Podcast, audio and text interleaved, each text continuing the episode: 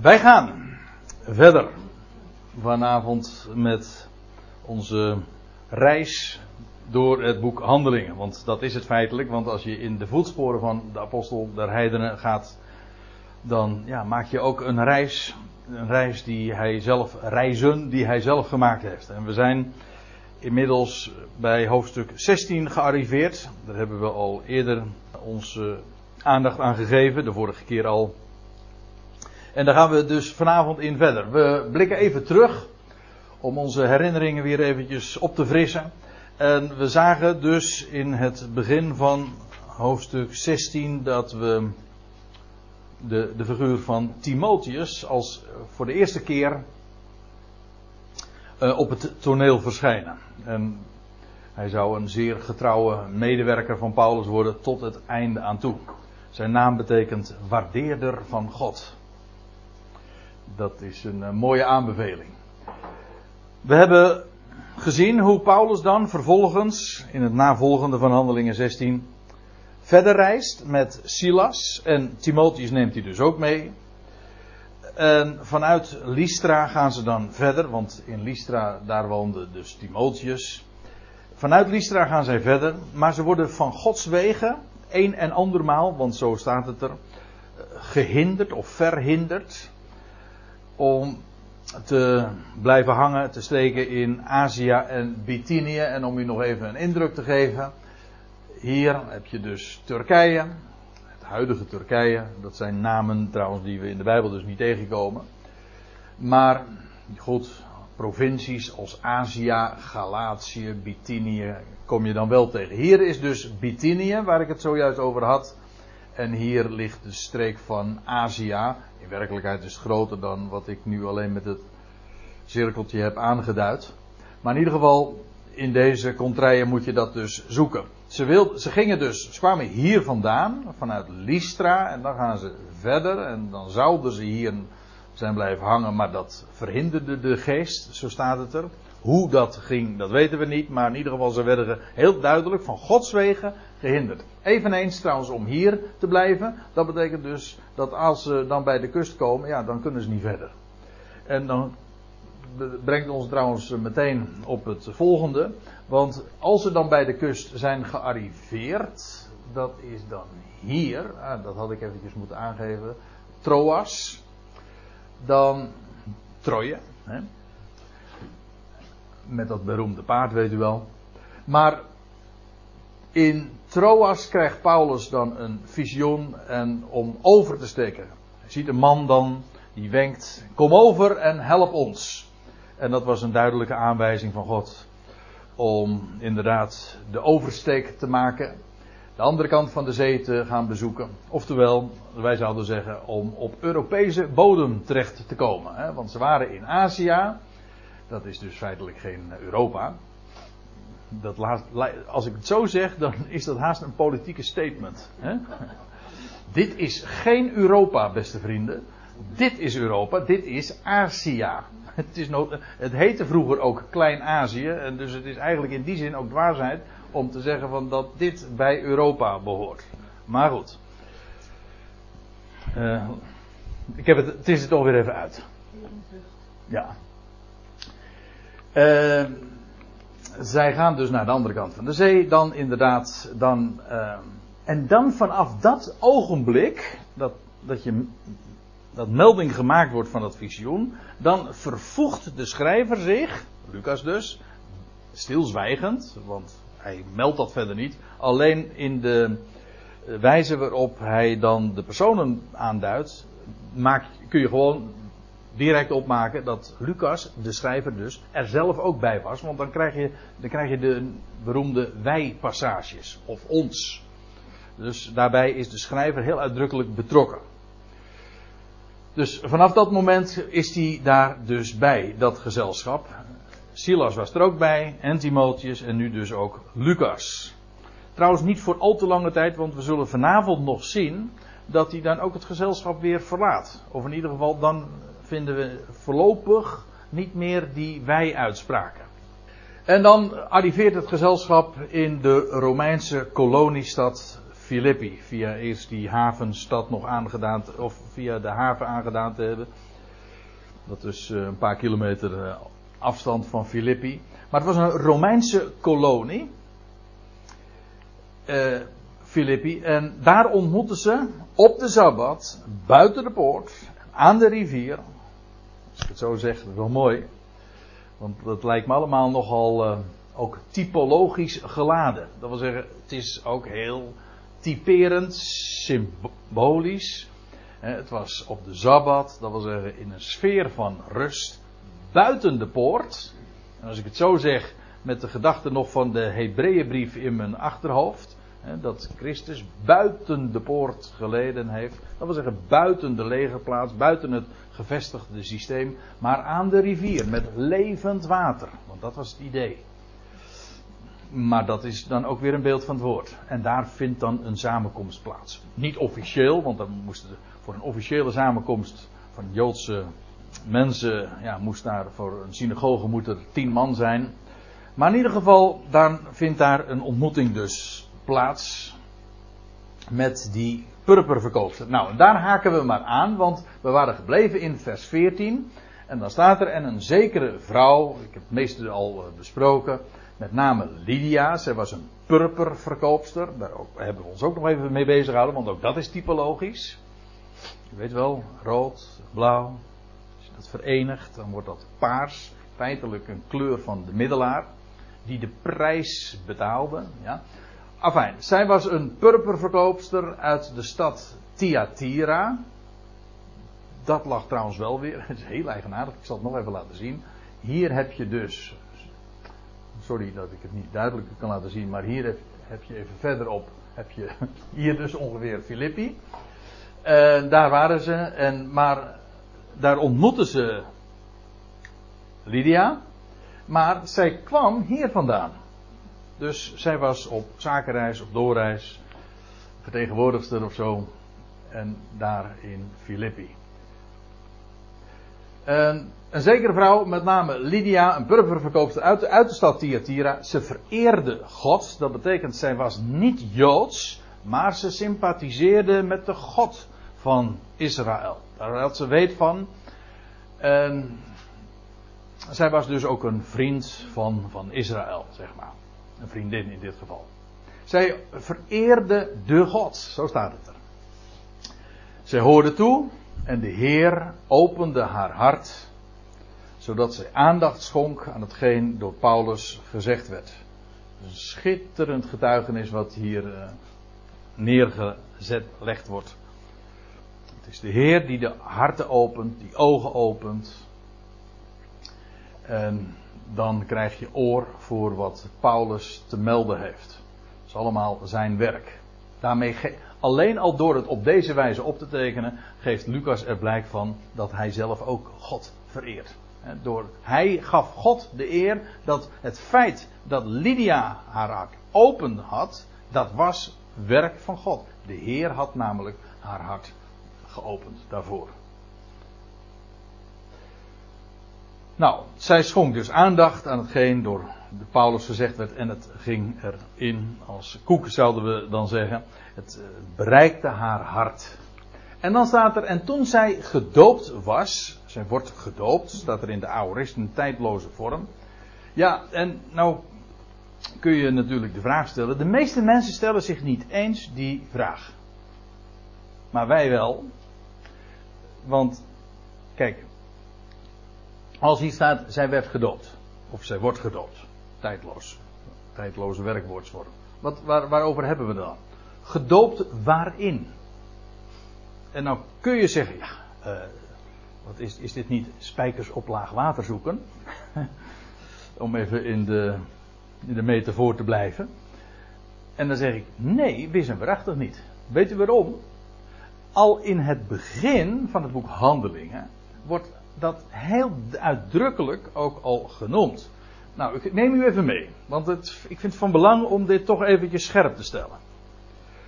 Er staat hier dus in Handelingen 1, waar ik naar verwees, en terwijl hij, dit is dus helemaal in het begin van het boek, dit is, is nog in de 40 dagen dat de Heer hier op aarde rondwandelde, En dan lees je, terwijl hij met hen aanzat, gebood hij hun Jeruzalem niet te verlaten. Dit is vlak voor de beschrijving van de hemelvaart.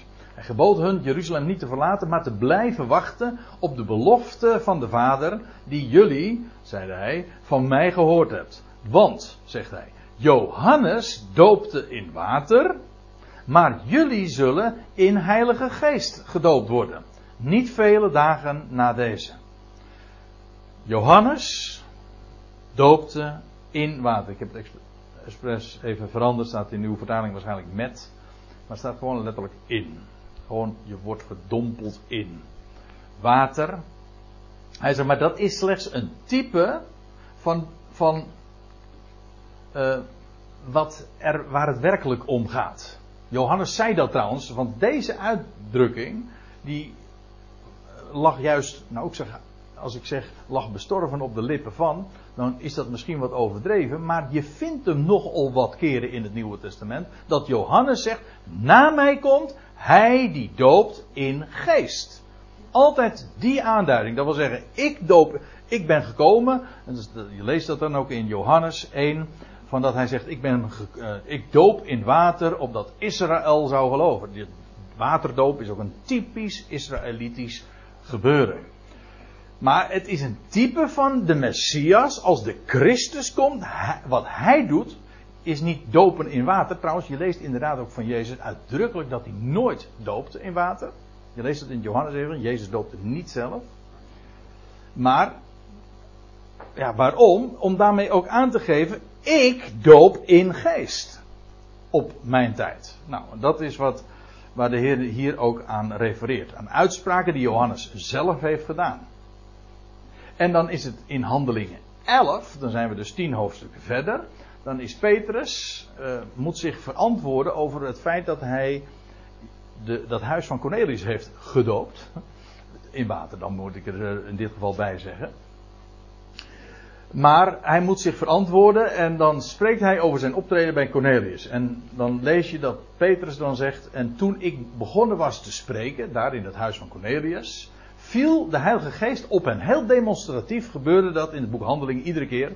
Ja, om juist ook een, om een teken te zijn. Met name ook weer voor Israël. De tekenen zijn juist gericht op Israël. En, van betekenis voor dat volk. De Heilige Geest viel op hen, evenals in het begin ook op ons. Dat wil zeggen ook die uit de natieën.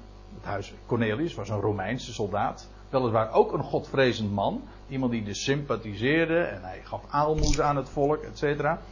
Maar niettemin, het was uh, geen Jood.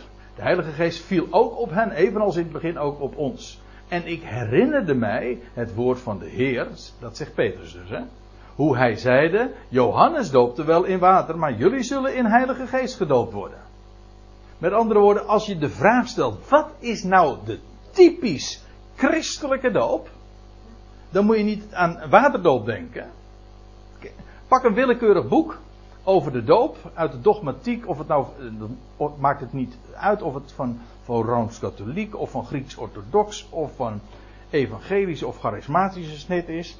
Altijd als je een boek leest over de doop, dan heeft men het in principe hè, over waterdoop. Want dat is de christelijke doop, toch in de eerste plaats. En dan zeg ik, dat is niet naar mijn bescheiden mening, is dat niet in overeenstemming met dit woord. Notabene, degene die bekend staat als de doper bij uitstek, die, iedereen denkt dat het zijn achternaam was, hè? Johannes de doper. Maar dat, nee, hij, dat was trouwens op zich al heel bijzonder, dat hij, want ja, Israël, Israël kende het gebruik van waterdoop maar al te goed, alleen men doopte zichzelf. En toen kwam er iemand daar in de Jordaan, in, als, als in de gedaante van Elia met die kameelharen mantel en die springkaan had.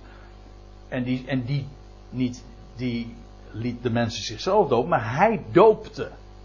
Hij was een doper. Dat, zo stond hij bekend. En dat was nieuw, want zo kende Israël de waterdoop niet. Men doopte zichzelf. En nou kwam daar iemand, een Johannes, de doper. En dan zegt hij, ja, maar waarom doop ik? Waarom ben ik een doper? Nou, omdat ik daarmee verwijs naar een andere doper. Met, ook, ja, met recht ook met een hoofdletter. Maar met dat verschil dat ik doop in water, maar hij die na mij komt, mijn eigen neef, die doopt, die zal dopen in geest. In heilige geest. Dat is dus het meest karakteristieke van de doop van Christus.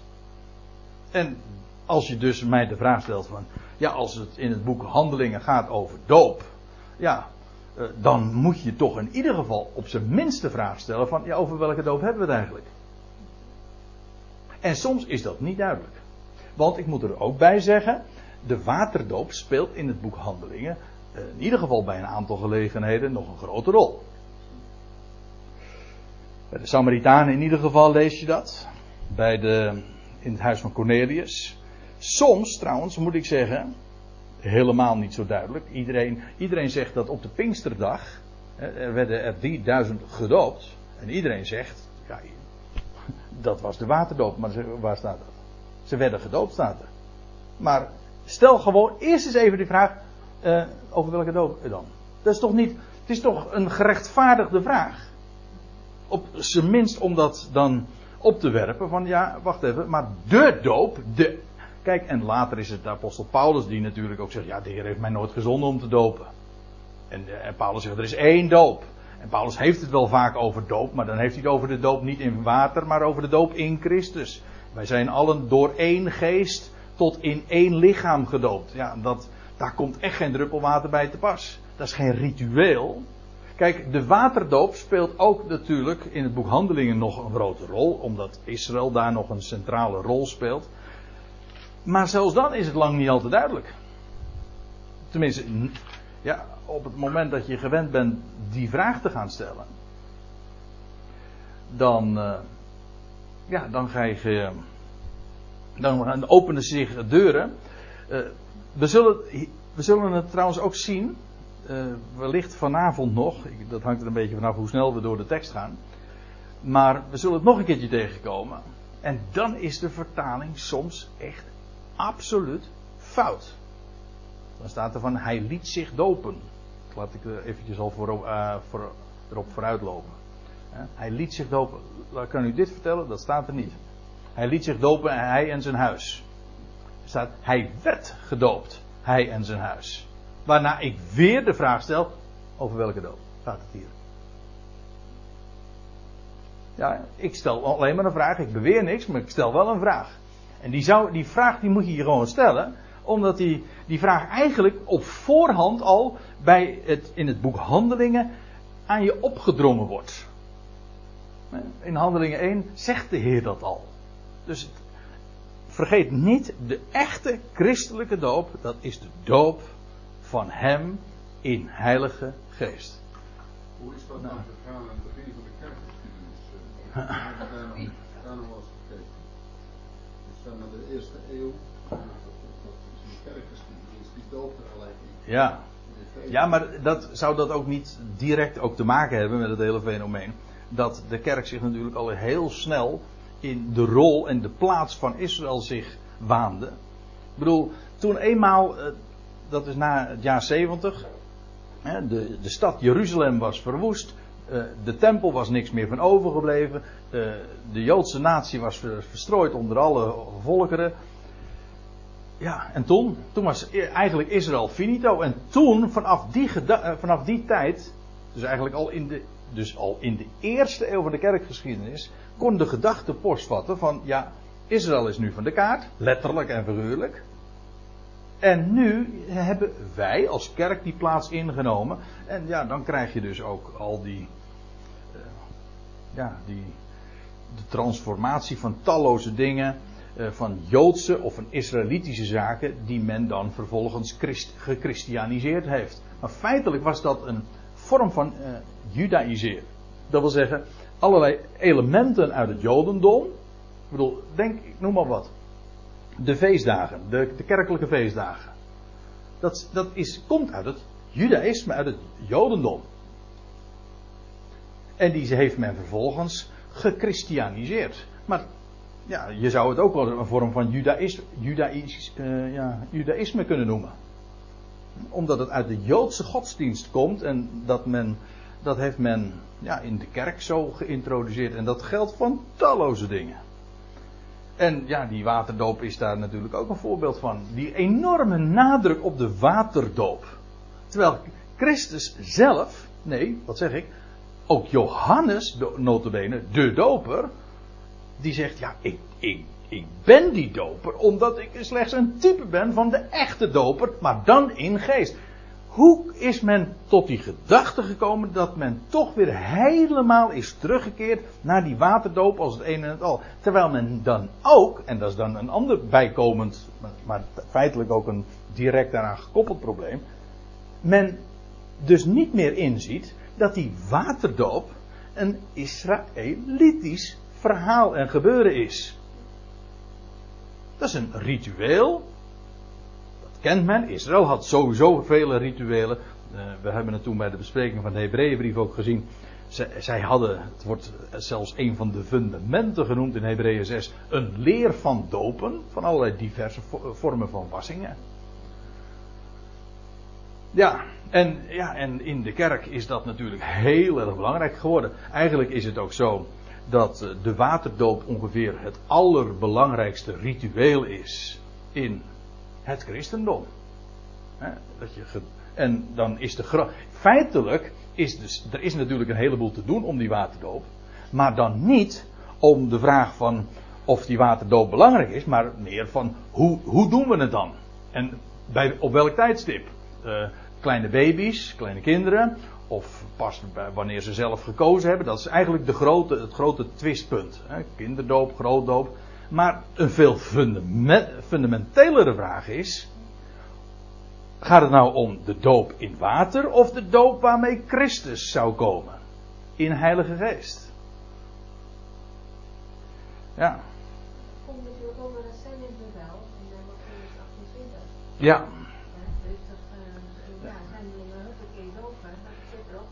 dat zit er ook nog. Maar dan, ook dan moet je trouwens ook nog. Dan moet je ook nog de vraag stellen van over welke doop hebben we dan. Ja, nou het, het voert een beetje te ver om dat nu ook nog eens een keertje erbij te halen. Dat is voor Israël, ook dat is, dat, ik bedoel dat die opdracht aan Israël gegeven wordt om de volkeren inderdaad tot zijn discipelen te maken. Maar zelfs daar uh, heb ik uh, de vraag of dat inderdaad om een doop in water gaat. En de grap is, ja, ik vind het echt grappig. Ik ben ooit, uh, ik was in Jeruzalem, dat is dus al heel wat jaren geleden, want. Uh, maar toen, heb ik een, toen was ik in het oude gedeelte van Jeruzalem. En toen liep ik een Joods winkeltje binnen. Het was in, in de Joodse wijk. En toen liep ik in een Joodse winkeltje, boekwinkeltje binnen. En daar kon ik een. Uh, ik, heb hem, ik heb hem thuis liggen. Ik heb hem toen aangeschaft, want ik was zeer verrast van een rabbijn die zijn commentaar gaf op de doop uh, zoals het Nieuwe Testament erover spreekt. En moet je nagaan, een orthodoxe Joodse rabbijn die zijn commentaar geeft op de doop zoals dat in het Nieuwe Testament wordt behandeld. En ik voelde me er. Uh, ik dacht van. Ik, mijn hele gedachtegoed, zoals wat ik uh, inmiddels had leren verstaan, sloot er naadloos op aan. Hij zegt, eh, precies dezelfde accenten die ik nu leg, brengt hij in dat boekje ook naar voren. Een notabene, een rabbijn, die niet eens geloofde in het Nieuwe Testament. Alleen, hij zegt, hij benadrukt ook, hij zegt, hoor eens eventjes, die waterdoop, ook in het Nieuwe Testament, is een Israëlitisch gebeuren. En toen dacht ik, nou hoor je het nog eens een keertje van een ander, hè. Dus ik heb dat boekje toen gekocht, een dunne, vrij dunne brochure. Maar hij legt, hij legt er bonnetjes er allemaal bij. Hij legt de verwijzingen naar de andere Joodse geschriften. Ja, heel boeiend. Maar goed, um, dat zou haast een, een, hele aparte bespreking over de doop worden. Dat wil ik nou ook weer niet. Het gaat mij er nu eventjes natuurlijk om dat, dat als Lucas het heeft over doop, dat je niet op voorhand meteen moet denken aan waterdoop dat lijkt mij uh, uh, meer dan voldoende in dit geval om, uh, om even te benadrukken. Ja, dat was natuurlijk toen toch, in ieder geval hier, een, iedere keer als dat, als dat zo gemeld wordt, een demonstratief gebeuren. Je leest dat ook als de, ja, dat, dat staat al in het boek Handelingen. Eh, of pardon, in, eh, in Handelingen 8. Handelingen 2 natuurlijk ook op de Pinksterdag. Handelingen 10 in het huis van Cornelius. De geest die kwam op hen. En dan lees je van dat, er, dat ze, ze werden vervuld met vreugde staat er. Maar ook met, ze, ze profeteerden. Dus het was een hele duidelijke bewijs van... Hé, hey, hier, hier is echt iets heel bijzonders aan de hand. En spreken in vreemde talen. Dat lees je in Handelingen 19 ook. Dat komen we natuurlijk pas over een paar hoofdstukken weer tegen in... eh, dan is Paulus in Efeze. En dan lees je ook dat de geest op hen kwam. En dan, dan lees je ook, ze spraken in vreemde tongen. En dat was natuurlijk ook een goddelijk bewijs van het evangelie. Is, en het heil is doorgebroken naar de natie. Het was een bewijs en een teken daarmee ook voor Israël. Dat het naar de natieën was gegaan. Dus ik bedoel, eh, om even terug te komen op jouw vraag. Hoe, hoe werd dat zo duidelijk? Nou, het was heel demonstratief dat, dat, dat de geest zich meester maakte. Alles dat zie je dus altijd in het boek Handelingen. God handelt hier heel duidelijk ook in tekenen. Juist ook met het oog op Israël. Want dat is de achtergrond van het hele boek Handelingen. Israël moest iets duidelijk gemaakt worden. En ja, voor ons eh, is dat verhaal anders in die zin dat eh, zulke tekenen zich niet a- aan ons voordoen. Ik bedoel, tot handelingen 28 is Israël nog duidelijk het onderwerp van gesprek. Hè, En daar gaat het om. Is, het volk moest iets moest, eh, bekendgemaakt worden. En ook zien.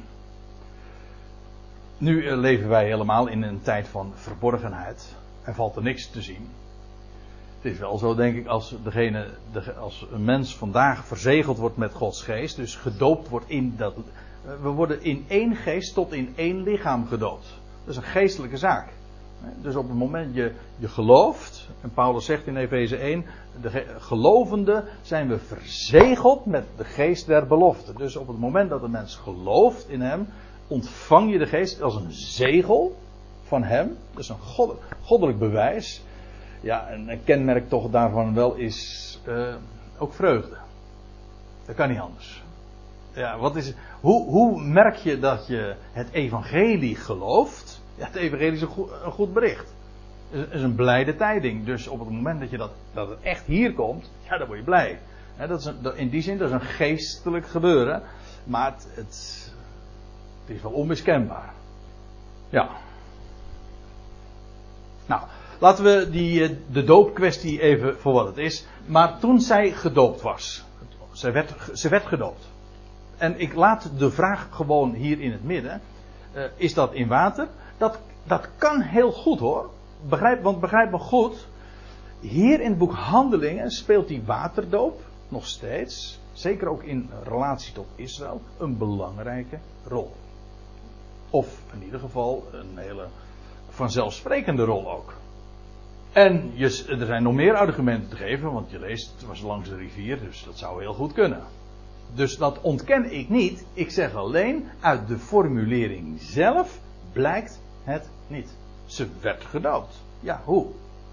Nou, ik, eh, ik, als, ik, als, ik, als ik er meer over zou kunnen zeggen, zou ik het doen. Maar ik laat de vraag gewoon in het midden. En ik vind het belangrijk om die vraag te stellen. En, en dat is waar, waarom ik er nu een heel verhaal over hou. Nooit wordt die vraag gesteld.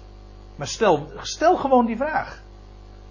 De vraag die notabene in het, in het Nieuwe Testament zelf aan ons opgedrongen wordt. En haar huis. Ja, ze werd gedoopt en haar huis. Dat kan haar gezin natuurlijk zijn, of haar, het hele personeel, of alles wat in haar huis was. Maar jij bedoelt daarmee te zeggen? Ja, het ook eh, haar huis zijn. Gewoon een gezegende plek. Oh, je bedoelt het, het gebouw zelf. Eh, het bouwwerk, het, eh, de muren met het dak. Hmm, nou, lijkt mij niet. Ja. Hè? Ja, je bedoelt, ja, ja, daar heb je gelijk in. Er staat huis, ja. Ik en mijn huis, wij zullen de heren dienen. Ja, Dat is staat er in Grieks, niet zien. Nee, ja, we- ja, weet ik wel. Er staat, eh, er staat de oikos. Ja, Ja, is huis. Oh, hier ook, oikos. Het is gewoon huis. Maar, nee, maar kijk, huis in de Bijbel betekent heel dikwijls natuurlijk eh, gewoon in de. eh, het, eh, het is een, het staat voor degenen die in het huis zijn. Kijk, als je leest van dat Noach werd, werd gered met heel zijn huis in de zondvloed. Dat betekent niet dat zijn huis dat die wel veilig was gebleven. Hè? Ja, je bedoelt dat huis was een ark geworden. Hij woonde in een ark. Ja, ja, ja, ja. Goh, hij is zo slim, hè. Zo bij vertaling is dat een huis, household, dus familie, en Ja. tempel. Ja, nee, dit is op zich, ja, want eh, het eh, huis, eh, de tempel wordt ook heel wel eens het, het huis eh, genoemd. Dus een huis kan inderdaad gewoon eh, de muren met de dakken de, zijn, zeg maar. Maar, eh, ja. Ja, dat is trouwens ook, komt trouwens ook nog weer, dat is grappig. Dat komt, heeft nog weer te maken met dat, eh, met dat ritueel van het, ehm, eh, de, eh, de, het wa- het reinigingswater van de Rode Vaars. Weet je wel, dan lees je. Dan werden mensen ook gereinigd door, door water. Dat was een, een gebruik dat God had ingesteld voor Israël. En wat hebben ja, men, nou de protestanten niet. Maar die hebben daar dus dat wijwater van gemaakt. Ja. Dat is ook een, eigenlijk een vorm van wassing. Dus in afgeleide zin ook een doop. Ja. Goed. Nou jongens, als we zo ver gaan, als we zo langzaam blijven gaan, dan, eh, dan eh, komen we al in vers 16. Hè? Goed, ze was gedoopt. En naar huis. Ja. Voortaan als ik dit lees, ga ik altijd aan jou denken, Rob. En, en nodigde, zij nodigde ons. Eigenlijk staat er hier weer, ik heb dat al vaker naar, eh, naar voren gebracht. Hier staat het woordje parakaleo, dat meestal wordt vertaald met vermanen. Of met vertroosten soms. Maar het is, parakaleo betekent letterlijk naast roepen. En dat heeft dus de betekenis van aanmoedigen, bemoedigen.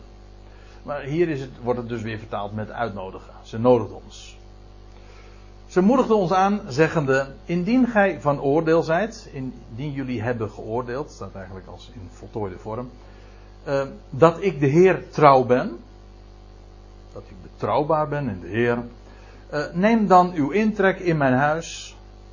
En zij drong ons ertoe. Eh, Zij oefende druk op, eh, op hen uit. Dus met grote nadruk forceert ze eigenlijk, ja, min of meer, Paulus en Silas. En het staat trouwens ons. Mm, en ze drong ons, dus dat hoorde Lucas in- dus ook bij. En Timotheus, kortom dat gezelschap. Ze had eh, kennelijk een groot huis. En ze zegt, neem uw intrek. En waarom dat zo benadrukt wordt, ik denk omdat ook dat, dat daarmee Lucas ook aangeeft van Paulus vroeg niet om centjes. Hij vroeg nooit om eh, geld, om ondersteuning voor onderhoud of voor onderdak. Nee, maar hij kreeg het wel. Maar dan was het omdat anderen dat vrijwillig gaven. Nooit omdat hij er vroeg. Het is voor Paulus altijd, je leest dat in de brieven, een groot punt altijd geweest dat hij, dat hij zijn werk om niet deed. Nooit heeft hij gevraagd, zijn hand opgehouden van alsjeblieft, geef me wat. Hij hield wel collecten, maar dan was het altijd voor anderen. Dat wil zeggen voor de armen in Jeruzalem. Dat had hij ook trouwens ooit beloofd. Maar ik bedoel dit ermee te zeggen, in dit geval, hij, dit, deze, dit onderdak, daarmee wellicht ook het onderhoud, kreeg hij heel nadrukkelijk eh, aangeboden. Heeft hij niet gevraagd. Ze drongen ons ertoe aan. En het geschiedde staat eraan in vers 16, toen wij naar de gebedsplaats gingen. De gebedsplaats, die kwamen we dus al eerder tegen in vers 13. Dat was dus langs de rivier, buiten de stad. Ze gingen weer terug. Het geschiedde toen wij naar de gebedplaats gingen. eh, dat een zekere slavin, nou krijg je weer een nieuwe geschiedenis. Een zekere slavin, eigenlijk staat er dienstmeisje. Ik vind het, ik vind het wel soms heel frappant hoe dat dan werkt in de vertalingen. Eh, want meestal wordt in het, de MBG-vertaling, Statenvertaling, blijf ik even vanaf, maar in de MBG-vertaling het woordje slaaf wordt weergegeven met dienstknecht. En dat is fout. Want een dienstknecht is gewoon wat anders dan een slaaf. Een slaaf is een lijfeigene. Een dienstknecht is iemand die in dienst is, maar niet een lijfeigene. En dus als Paulus zegt in, ik noem maar wat, Romeinen 1. Paulus, een apostel en slaaf van Christus Jezus. Dat staat er in uw vertaling, of in mijn vertaling, eh, een dienstknecht van Christus. Maar dat staat er niet. Er staat een slaaf. Ik ben. Paulus zegt daarmee: Hij is mijn Heer en ik heb niks in te brengen. Ik ben gewoon van Hem. Voor zijn rekening helemaal. En nou komen we inderdaad een keertje een dienstmeisje tegen. En hoe vertalen ze dat dan? Al met slavin. Ja, dan denk je weer, goh. Een dienstmaagd. Ah, die is dan, uh, dat is correct. Ja, want het, het, woord wat hier gebruikt wordt heeft te maken inderdaad met een meisje. Paido heeft dat is eigenlijk een kind, maar in dit geval in de vrouwelijke vorm en dan nog in de verkleindende vorm ook. Dus het is inderdaad een meisje. Hè? Zoals wij ook spraken in het oud-Nederlands over een meid. Je hebt een meid in dienst. Een dienstmeisje. En dat is het woord wat hier dus gebezigd wordt. Een zekere uh, een dienstmeisje. En dan staat er die een waarzeggende geest had. Die kwam ons tegemoet die kwamen ze tegen. Uh, een waarzeggende geest. Er staat in het Grieks een pythongeest. Als u een Telos vertaling hebt, jij hebt er eentje geloof ik, is het niet. Uh, daar staat inderdaad, als ik me niet vergis, een pythongeest. Klopt dat? In vers 16? Nee, waar Oh, maar dat staat er in het voetnoot waarschijnlijk. Ah. ja, oké. Okay.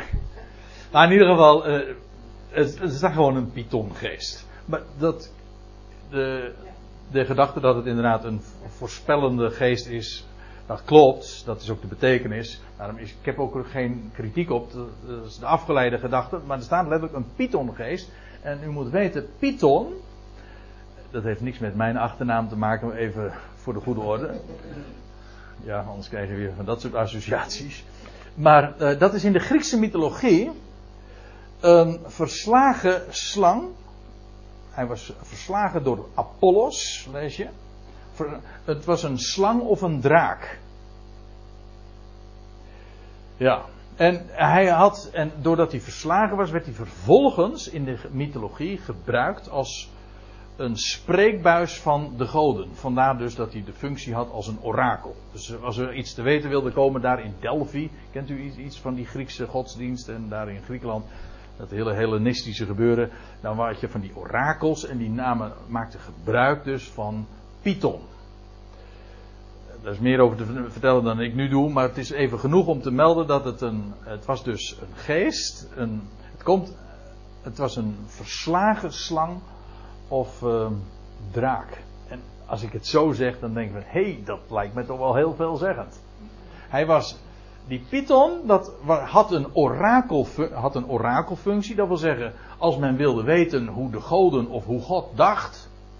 Men dacht altijd in termen van goden, maar al hoe God dacht, hè, hoe de hemel dacht, dan kwamen, kwamen ze terecht bij Python.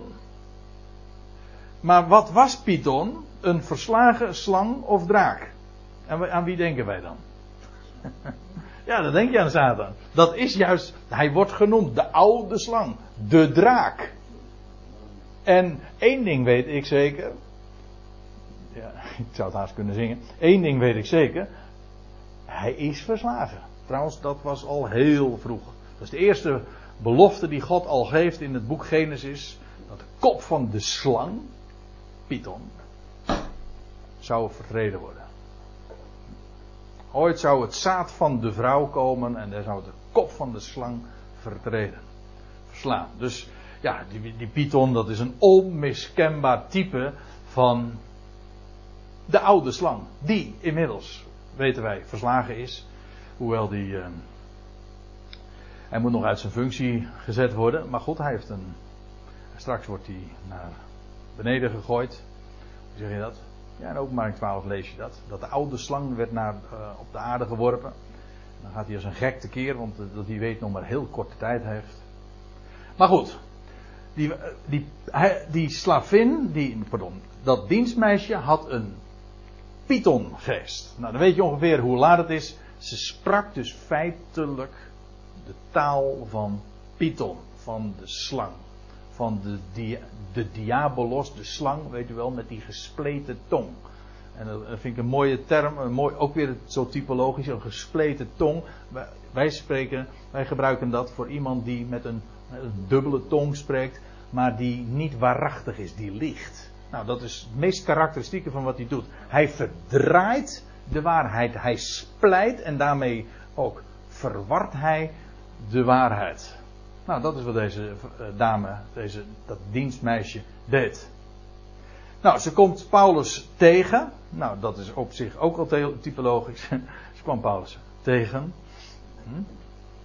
En welke aan haar eigenaars. Hier staat trouwens in het Griekse woord. Curios. Heren. Ja, haar heren. Maar een heer is niks anders dan iemand die beheert. En daarmee dus eigenaar ook is. Het, is van hem. Welke in haar curios, ja, alleen dan staat het in het meervoud, curiois. Welke aan haar eigenaars met waarzeggen veel voordeel had. Ja, dat wordt.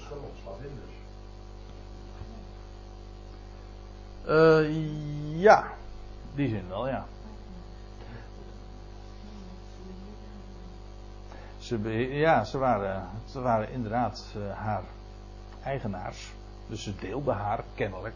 En ze, maar ze hadden er erg veel winst van. Maar inderdaad, die uitdrukking suggereert toch dat zij een slavin is. Maar, dan, dat zeg ik nou niet om eigenwijs te wezen. Ik zou niet durven erop. Uh, neemt niet weg, hier staat gewoon het woordje dienstmeisje. Ja. Maar in de praktijk, het loutere feit dat ze gesproken wordt over heren, dat suggereert inderdaad toch dat, het, dat ze de status van een slavin had. In ieder geval, ze hadden veel voordeel van haar. En waarom? Omdat zij ja, met haar waarzeggerij. Dat, ik vind dat woordje waarzeggen altijd uh, ja, wel opmerkelijk. Want feitelijk, feit, weet u wat een waarzegger is? Dat is een leugenspreker. ja. Maar eigenlijk, hier staat, dat is ook leuk. Hier, dit woord, wat hier gebruikt wordt, uh, dat is afgeleid van dit woord, mainomai. En dat kennen wij allemaal van het woordje mania. Een manie. Of een maniak. Een maniak is gewoon een gek. Manisch, ja. Ja, maar uh, dat woordje mani. Paulus zegt dat trouwens, we komen het uh, nog een keertje tegen in Handelingen 26, dat hij zegt van. Uh, nee, dat zegt dan Festus zeker tegen. Of Agrippa tegen Paulus. Van, je, Paulus, je bent gek. Een maniak. Dat is het woord wat hier dan gebruikt. Maar het woord wat hier gebruikt wordt, waar zeggen, is daar dus van afgeleid. En dat is, op, dat is heel veelzeggend. Want het idee is, zulke mensen die dat deden, hè, die zich, die waarzeggende praktijken hadden, die deden dat in een staat van, eh, dat, van, van, ja, van een manie. Ze waren, ze waren in razernij, ze waren hysterisch eigenlijk niet bij zinnen. En juist in die toestand, in die extase, uh, spraken ze dan, waaracht, zouden ze dan de waarheid spreken. Dat was het idee. Want dan hadden ze verbinding met het hogere. Maar dan was het idee, ze had zelf geen controle meer over zichzelf. En dan was ze helemaal. Uh, ja, ja, inderdaad, begeesterd. Ja. Eigenlijk gewoon gedemoniseerd dus. Ik moet er trouwens, dan moet ik er ook nog iets bij zeggen. Over dat woordje demonisch. En wij denken bij demonen altijd aan boze geesten. Dat klopt hoor even voor de goede orde. Voor de, voor de goede orde. Maar uh, een demon, dat was in het Grieks gewoon een godheid. Dat was, kijk, voor ons zit daar een negatieve begrip aan, uh, aan vast. Hè? Als, je, als je iemand gedemoniseerd wordt, dan betekent dat, uh, dat, dat, dan, dat je iemand beticht van een boze geest. Maar een, de Grieken en in de oudheid dacht, was een demon gewoon een van hun goden. Dat waren demonen. Dus als je tegen een Griek zegt, jij eert demonen, ja natuurlijk, dat doen, dat doen wij. Maar wij denken dan meteen aan een boze geest, maar dat zit niet in dat woordje demon zelf. Dat bedoel ik te zeggen. Dus, dat geldt dus ook als zij, zulke, zo'n dame, die was inderdaad gedemoniseerd. Dan was ze helemaal, was ze helemaal bezet, bezeten door zo'n demon. En in die toestand van, eh, van een mania, als maniak, sprak ze dan die dingen uit. En daar werd geloof aan gehecht, omdat ze dan bovennatuurlijke dingen konden verrichten en spreken. En in elk geval, uh, dat maakte diepe en grote indruk. Welke haar eigenaars met waar zeggen veel voordeel opbracht. Eigenlijk staat er veel werkzaamheid. Ze, hadden er een heleboel. Uh, dat bracht natuurlijk een heleboel geld in het laadje, maar ze hadden er een heleboel mee te doen, omdat er veel vraag kennelijk naar was. Dus zij stond in deze dame met haar praktijken en met haar vermogens, stond ze, ja, was ze erg gezien. En dan staat er, deze liep Paulus, deze, uh, deze jonge meid, liep uh, Paulus en ons achterna. Dit is trouwens de laatste keer, ik heb het al even eerder gezegd, dit is de laatste keer dat hier melding gemaakt wordt van wij. Dus het is eigenlijk maar heel kort geweest dat, dat Lucas erbij is geweest. En pas in hoofdstuk 20, vers 5 komt Lucas weer bij het gezelschap. Omdat er dan weer uh, gesproken is van wij en van ons. Maar dit is de laatste keer. En deze liep Paul, deze vrouw dus, liep Paulus en ons achterna luid roepende. Eigenlijk staat er gewoon, ziet u, schreeuwen. Schreeuwende. Ze schreeuwde. Dat was kennelijk ook iets wat ja, bij haar hoorde in met haar uitzinnigheid. En dan weet je eigenlijk ook wel een beetje hoe laat het is en wat, waarom Paulus daar op een gegeven ogenblik zijn bekomst ervan kreeg. Maar laten we eerst eventjes nog uh, luisteren naar wat ze zegt. Ze schreeuwde. En dan staat er, deze mensen zijn dienstknechten. Heb je het? Ik, eh, ik, was het even vergeten. Deze mensen zijn dienstknechten, maar hier staat nu wel weer slaven. Bent u er nog? Kijk, dat vind ik nou leuk om bijbelstudie te doen. Niet alleen leuk, de, de waarde om gewoon zo dicht mogelijk bij de tekst te blijven. Kijk, dat is wat er staat. Is dit nou zo heel erg belangrijk? Nou, nee, maar om zicht te hebben op wat er staat geschreven. Ja, op dit soort dingen kom je dan allemaal op het spoor hè, als je de schrift open doet. En deze dame, zij schreeuwt: Deze mensen zijn slaven van de Allerhoogste God. Eigenlijk, deze mensen zijn slaven van de God. Ziet u? De Hoogste. Dat is wat ze roept. En eigenaardig genoeg dat is wel waar. Ik wou zeggen. En daarom heeft men zich ook afgevraagd van, ja maar wacht eventjes. Deze vrouw heeft een valse, heeft een pythongeest. Maar wat zij zegt, daar is toch weinig tegen in te brengen. En toen heeft men nog gezegd van ja, nou ik even verder lezen. Ze zegt dus, ze zijn slaven van de God, de hoogste, die u de weg tot behoudenis boodschappen. Maar dat staat er niet helemaal. Er staat letterlijk die een weg van redding. Er staat geen bepaald lidwoord hierbij. Er staat hier de weg, maar u ziet het. In het Grieks staat hier niet de weg. Er staat bijvoorbeeld hier wel de God. Ja, nou. Wat zou ik erover zeggen? Nou, in ieder geval dit. Het Grieks kent niet een onbepaald lidwoord. Kijk, wij hebben. Ik ben toch een beetje taaldocent nou weer. Kijk, je hebt, je hebt twee soorten lidwoorden bepaalde lidwoorden. De en het. De, de computer. Het boek. Dat is bepaald. Je hebt ook onbepaalde lidwoorden, namelijk een. Dan zeg je een boek, een computer. Dat is onbepaald. Het Grieks heeft geen onbepaalde lidwoorden. Die gebruikt dus normaal gesproken. Die je kan in het Grieks dus niet zeggen een. Je, in het Grieks kent alleen bepaalde lidwoorden.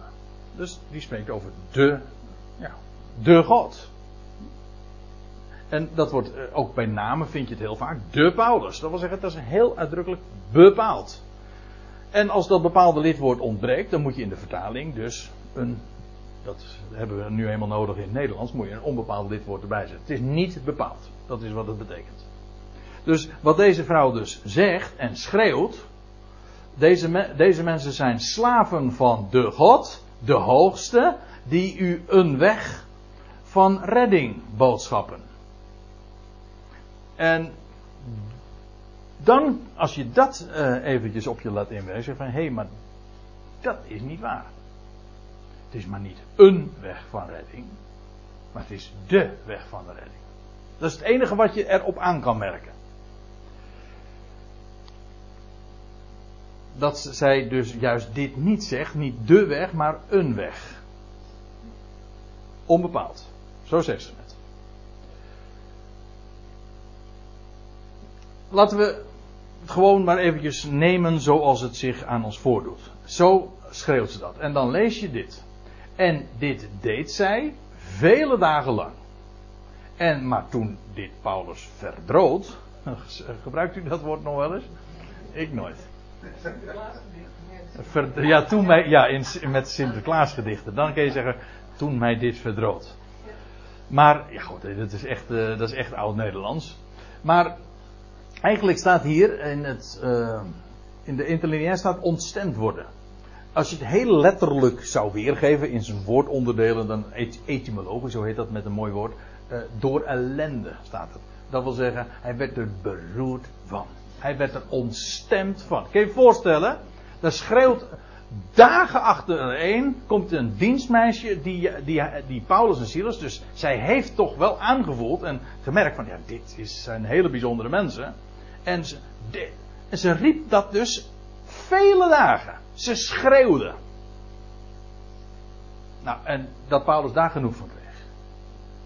Van zulke support was hij helemaal niet gediend, want het was een, van, om nou een aanbeveling te krijgen van een pythongeest, na vele dagen verdroot hem dat. Ja. Hij werd ontstemd ervan. Nou, wat hij dan vervolgens doet, dat, daar gaan we het straks over hebben, want ik zie dat het inmiddels 9 uur is.